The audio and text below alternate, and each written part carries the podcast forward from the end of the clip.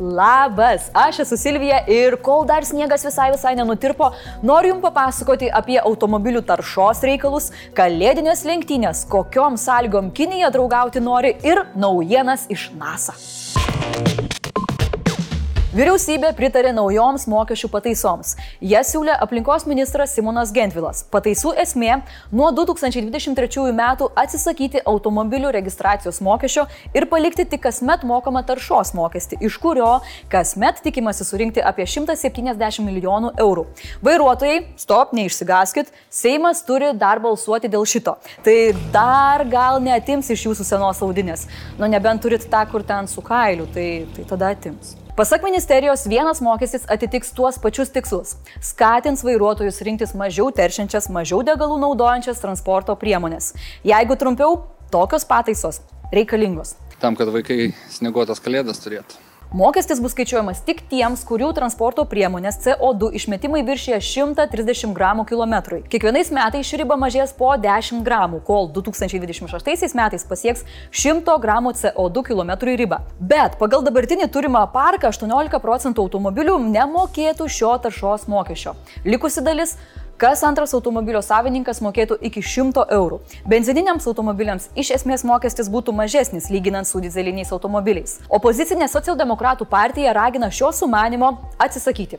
Vilija Blinkevičiūtė sako, kad senesnius automobilius naudoja nuo Vilniaus nutolusiuose rajonuose įsikūrę gyventojai, kurie gauna mažesnės ir vidutinės pajamas, todėl negali įsigyti naujos transporto priemonės. Anot jos, tokios pataisos yra neteisingos ir pagristai pykdi žmonės. Vakar dėl sniego ir kam kamščių į darbą vėlavęs Gintautas Paluckas irgi mano, kad pataisos įteisintų neligybę. Anot jo, mokestis turėtų priklausyti nuo to, kiek žmogus teršia, o ne nuo to, kiek jis potencialiai gali teršti. Nes jeigu senukas turi savo seną automobilį, su kuriuo važiuoja tik į kapus per vėlinės, tai jis teršia mažiau nei žmogus automobilį naudojantis kasdien, o mokesčių mokėti turės daugiau. Pataisos nedžiugina ir ekonomikos ir inovacijų ministrės Aušrinės Armonaitės, bet ji nėra labai kategoriška. Projektas Seime atsidurtų balsuotų Laisvės partija? Tai ta, tarsimės.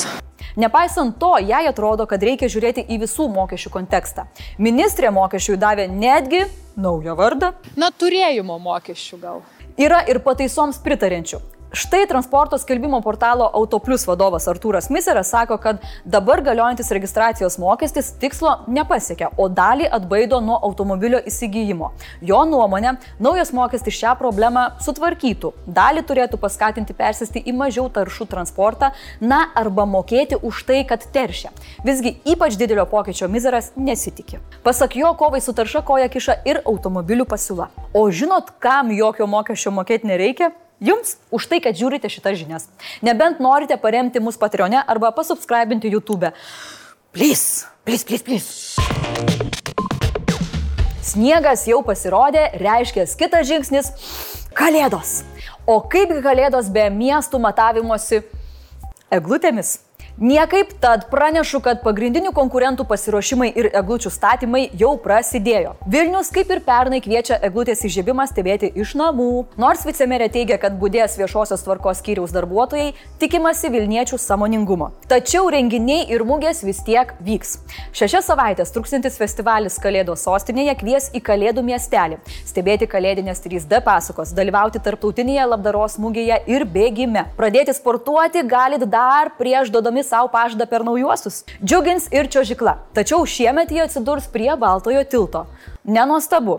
Meras jau bandė vieną dalyką Lukiškio aikštėje padaryti, tai, nu, pamenam, kaip jam ten baigėsi. Paskaičiuokime, kiek Vilnius atbašliuos už šių metų kandidatę į geriausią Lietuvos eglutę. Šimetinė mūsų eglė kainuos beveik 89 tūkstančius, lyginant su praeitais metais, tai 2020-aisiais, tai eglė kainavo 95 tūkstančius, taigi šimetinė eglė šiek tiek yra pigesnė. Visai kultūriniai programai numatyta apie 280 tūkstančių eurų, kalėdiniam apšvietimui dar 179 tūkstančiai.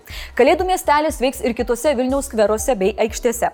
Veiks ir virtualus Kalėdų miestelis. Iš esmės, Kalėdas galima švęsti, nu, neišeinant iš namų praktiškai. Koncertas telikė arba internetu, Kalėdų miestelis irgi internete, maistą ir gėrimus atveš Barbora, Voltas arba Boltas, o senelių ir taip nepamatysit, nes kažkas vis tiek bus nepasiskiepiję.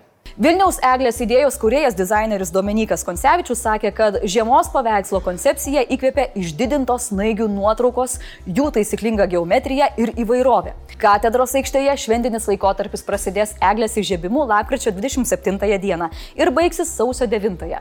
Kalėdinė pasaka Kalėdų gesmė bus rodoma beveik iki pat naujųjų. Su Kauno eglute viskas labai panašiai. Įžiebimo koncertas irgi iš namų. Rotušės aikštė renginio vakarą taps uždara erdvė. Tiesa, ne visiems. Gyvai eglės įžiebimas stebėti pakviesti negalios paliesti ir globėjų šeimose augantis vaikai. Nors eglutės įžiebimų dar nematėm, bet jau žinom, kad Kaune garso ir šviesų bus daugiau nei Vilniuje. Kodėl? Žinoma, pasirodys ir Egidijus Drakūnas. Papuošti rotušės aikštę Kaunui kainuos iki 160 tūkstančių, o bendras biudžetas gali siekti 260 tūkstančių. Įdomu, kiek iš šios sumos gaus vien tik selas. Ne pirmus metus iš eilės Kauno eglę kūrinti menininkė Jolanta Šmidtienė pasakojo, kad šių metų sprendimas buvo keistas ir jai pačiai. Įkvėpta rojaus menininkė eglutė papuošė net 600 drugelių. Nu tikiuosi, kad netikrų. Ir dar maždaug tiek pat smilgų, kurios imituos pievą. Žodžiu, Kauno eglė kasmet randa būdų, kaip nustebinti. Kartais mm, ir gerąją prasme. Kaip manot, kuri eglutė bus geriausia šiemet? Komentuojam ir balsuojam už savo miestą apačioje. Po taivaniečių atstovybės atidarimo Lietuvoje savo dalimi Taivaną laikanti Kinija nusprendė pasakyti, ką apie tai galvoja. Tai žinokit, net nežinau, ar čia gera ar bloga naujiena, bet Kinija nesiryžo nutraukti diplomatinių ryšių su Lietuva. Kodėl taip sakau? Dar prieš Kinijos spaudos konferenciją apžvalgininkas Marius Laurinavičius sakė, kad diplomatinių saitų nutraukimas mums duotų pelno ir nesukurtų jokio nuostolio. Nes tada ne tik atsivertų pasaulio akis, ne tik gautume daugiau JAV paramos, bet ir pas mus negalėtų dirbti kinų šnipai. Kinijos ambasados Lietuvoje laikinasis reikalų patikėtinis Kubai Hua sakė, kad Kinija prieštarauja Taivano atstovybės atidarimui. Jiems mūsų santykiai yra ok tol, kol yra platoniški ir neintimus. Kitaip tariant, nevyriausybiniai. Tuo pačiu patikėtinis priekaištavo, kad Lietuva yra kurčia Kinijos prašymams dėl atstovybės pavadinimo ir griežtai ragina ištaisyti šią klaidą, kad būtų ne Taivanas, o Kinijos taipėjus. Ku prašė nenuvertinti jo šalies žmonių ryšto turėti vientisą ir nedalomą Kiniją. Lietuva į Kinijos kritiką kol kas nieko neatsakė. Nu, o ką čia atsakysi, gi nėra laiko renkantis prekes prieš juodą į penktadienį. Bet kalbant rimtai, tai Kinai kvietė mūsų valdžią kalbėtis, bet kažkodėl mūsiškiai nu nepanoro. Tuo tarpu JAV prezidentas, lyg norėdamas dar pabaksnoti komunistiniam monstrui pagaliuku, pakvietė Taivaną į virtualų daugiau kaip šimto šalių viršūnių susitikimą demokratijos klausimais. Taivanas, žinoma, dėl to labai laimingas, o Kinija, aišku, pikta ir smerkianti. Primenu, kad Lietuva ir Kinija pradėjo pyktis, kai mes dar pavasarį išstojom iš 17 plus 1. Paskui įvyko ambasadorių atšaukimas ir galiausiai mes atidarėme Taivano atstovybę. Daugiau pablogėjusių santykių anatomijos žiūrėkite pirmadienio mūsų žiniuose. NASA į kosmosą paleido raketą skirtą tyčia atsitrenkti į skrendantį asteroidą ir tokiu būdu pakreipti asteroido kryptį. Režisierius Michaelas Bay vaidina Bruce'as Willisas, Benas Affleckas ir Liv Tyler. Kinuose jau nuo 1998. Jūs galvojate, kad aš juokauju? Ne. Kalifornijoje startavo nauja tokia NASA misija, siekianti išsiaiškinti, ar įmanoma pakeisti asteroido kursą. Į Žemę ramiai nelekia joks grėsmingas dangaus kūnas. Bet ruoštis galimai apokalipsai privalu, tiesa? Šios misijos tikslas būtent toks - suprasti, ar galime kažką padaryti, kai sužinosime apie pavojų. Nes, pasak mokslininkų, yra maždaug 15 tūkstančių dar netrastų objektų, kurie gali priartėti prie mūsų mylimos planetos. Taigi, DART arba Double Asteroid Redirection Test nedidukas toks batų dėžės dydžio palidovas ryte pradėjo savo misiją. Jis turės atsitrenkti į asteroidą vardu Dimorphas ir šiek tiek pakeisti jo kryptį. Šis apie 160 m skersmens kūnas sukasi aplink beveik 800 m skersmens asteroidą Didimą. Abu šie asteroidai skrieja aplink Saulę. Kad būtų lengviau įsivaizduoti, va čia va yra Dartas, Va čia yra laisvės statula, o čia yra dimorfas. O palyginimui ir didysis jo draugas, va didimas. Didelio sprogimo nesitikėkit. Užtenka fakto, kad trajektorija pasikeitė. Štai čia matosi dabartinis asteroido kelias balta linija, o oranžinė naujoji jo kelionė po mažylio darto kosminio bučinuko. Susidūrimas turėtų įvykti ateinančių metų rudenį, maždaug už 11 milijonų kilometrų nuo Žemės atstumų. Tai beveik pats artimiausias mūsų planetai galimas šios asteroidų poros taškas. Projekto kaina - dėmesio - apie 330 milijonų dolerių. Linkime mažyliui geros kelionės ir gero smūgio. Blogiausiu atveju dar turime vieną Briusą Vilisą ir lietuvių sukurtą galingiausią lazerį. Geriausiu atveju, jei Elonas Maskas labai pasistengs, Žemės sunaikinimą galėsime žiūrėti iš VIP ložės Marse. Blitz naujienos. Vyriausybė pritarė siūlymui nuo 2023 metų didinti akcizus taršiausio kūro rušims, atsisakant lengvatų iškastiniam kūrui. Aplinkos ministras Simonas Gentvilas sako, kad dizelinas kasmet brangtų 3-4 centais. Tam dar turi pritarti Seimas. Švedijos parlamentarai išrinko socialdemokratų partijos lyderę ir dabartinę finansų ministrę Magdaleną Anderson premjere. Ji tapo pirmąją moterimi Švedijos premjero poste.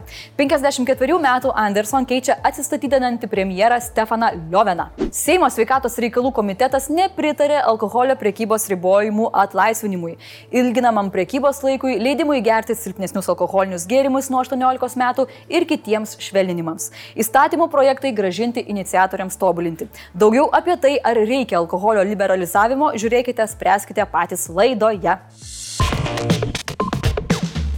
Ir norime jūsų paklausti šiandien, ar jau esate pasiruošę eglučių kovai ir kuri šiemet eglutė bus pati gražiausia, kurio miesto, rašykit komentaruose. Ką jūs darysit, kai pasensit? Galbūt baisiai stumsit, nes šis senolis daro būtent tai.